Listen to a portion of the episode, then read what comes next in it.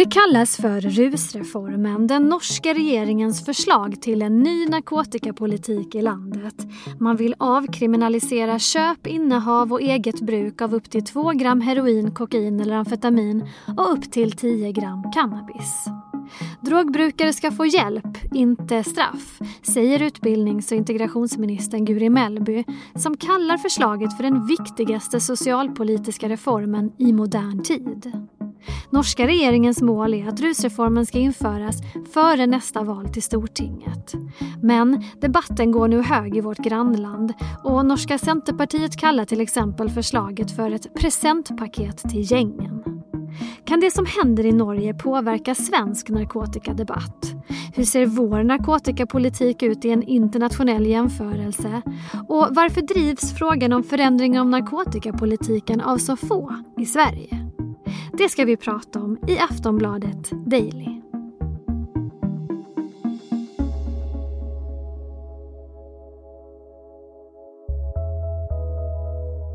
Och vi gör det med Oshin Cantwell som är nyhetskolumnist och seniorreporter på Aftonbladet.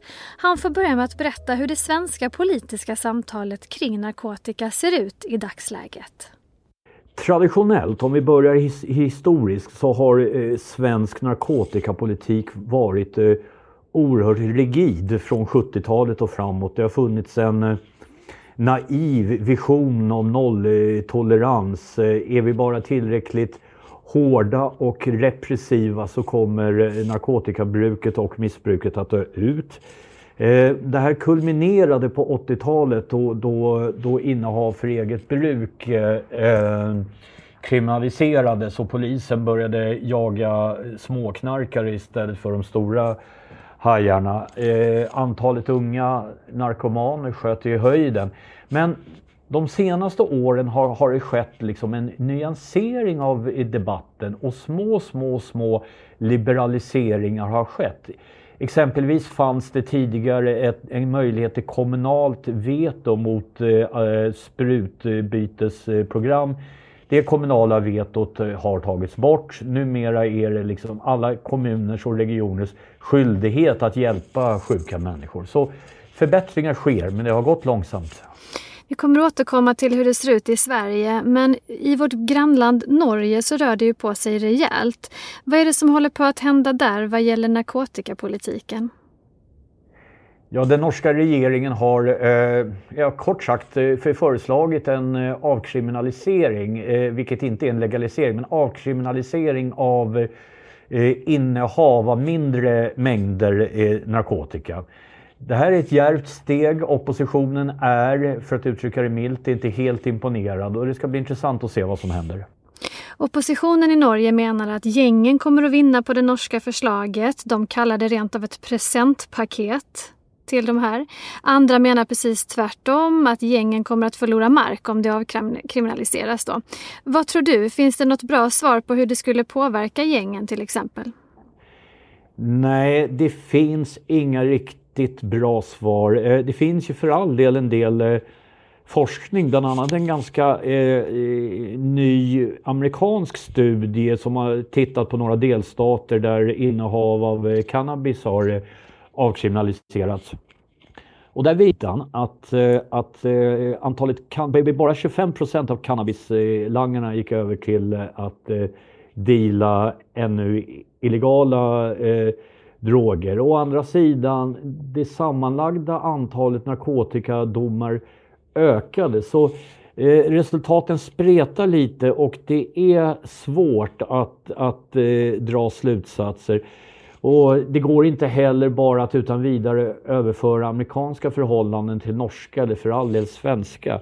Så det, det, det, det, är inte lätt att, att, eh, att, att, dra slutsatser. Det man kan konstatera, så Norge har inspirerats bland annat av, av eh, Portugal som avkriminaliserade eh, eh e, eget innehav av narkotika för ja, 15 år sedan vid det här laget.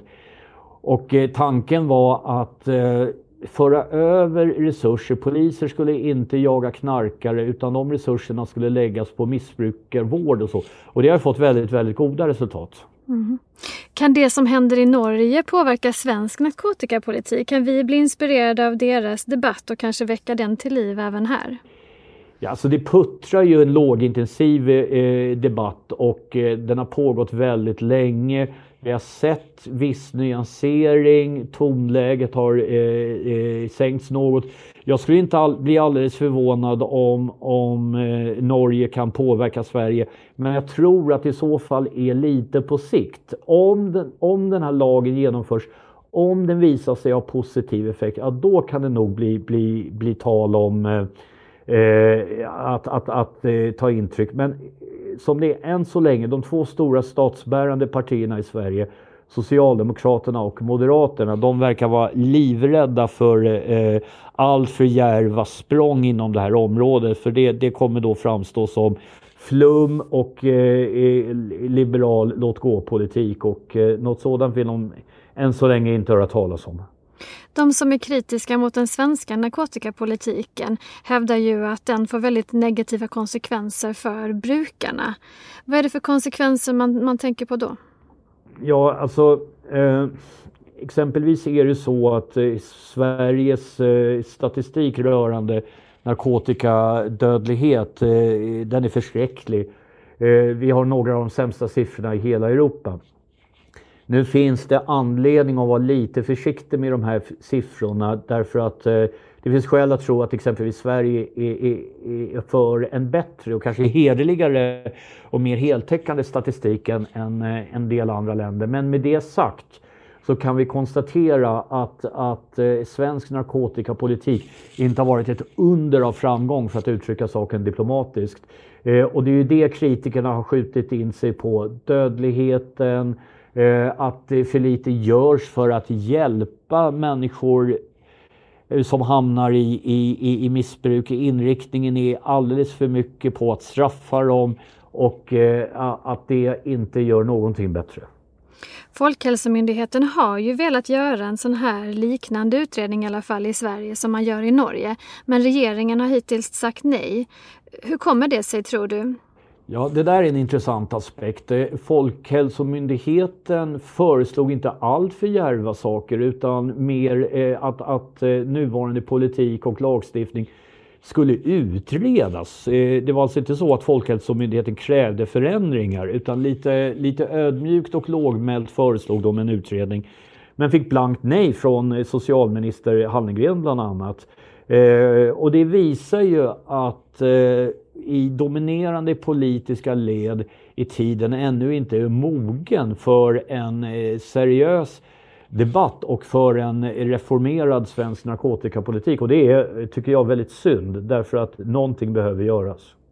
Varför drivs frågan av så få i Sverige egentligen? Alltså på väldigt många håll i världen så gör man ju väldigt stora förändringar, men inte här. Ja, det är en bra fråga. Eh, jag tror att det finns ett eh, antal förklaringar.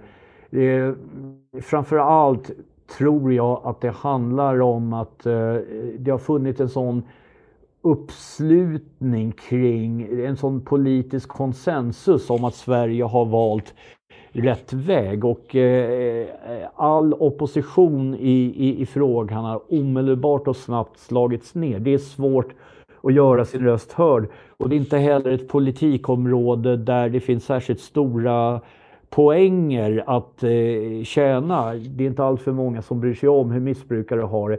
Sen så tror jag också att vi ska se det här i den eh, den tidsanda vi befinner oss i i Sverige handlar ju väldigt mycket om straffskärpningar, om repression och att då och att då sticka upp och säga, eh, föreslå en, en liberalisering och en reformerad svensk eh, narkotikapolitik. Det kommer eh, fortfarande att mötas av en väldigt stark opinion. Dock har vinden lite smått och försiktigt sedan några år tillbaka börjat svänga. Om man gör en internationell jämförelse, sticker den svenska narkotikapolitiken ut då som någon av de hårdaste? Ja, eh, straffen för narkotikabrott, för att ta ett exempel i Sverige, har ju varit oerhört eh, eh hårda, åtminstone i ett europeiskt eh, perspektiv. USA ska vi nog inte riktigt jämföra med därför att där, du, du, det, där ser rättsskipningen lite annorlunda ut. Men i ett europeiskt perspektiv har eh, Sverige eh, stuckit ut.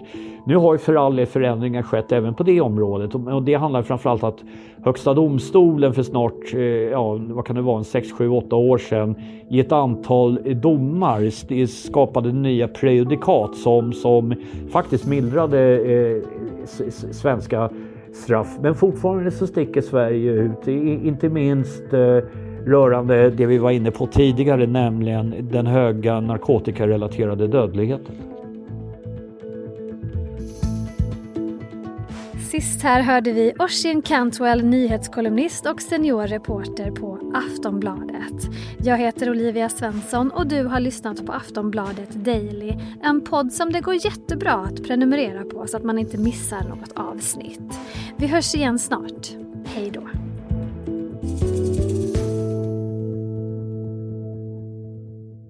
Du har lyssnat på en podcast från Aftonbladet. Ansvarig utgivare är Lena K Samuelsson.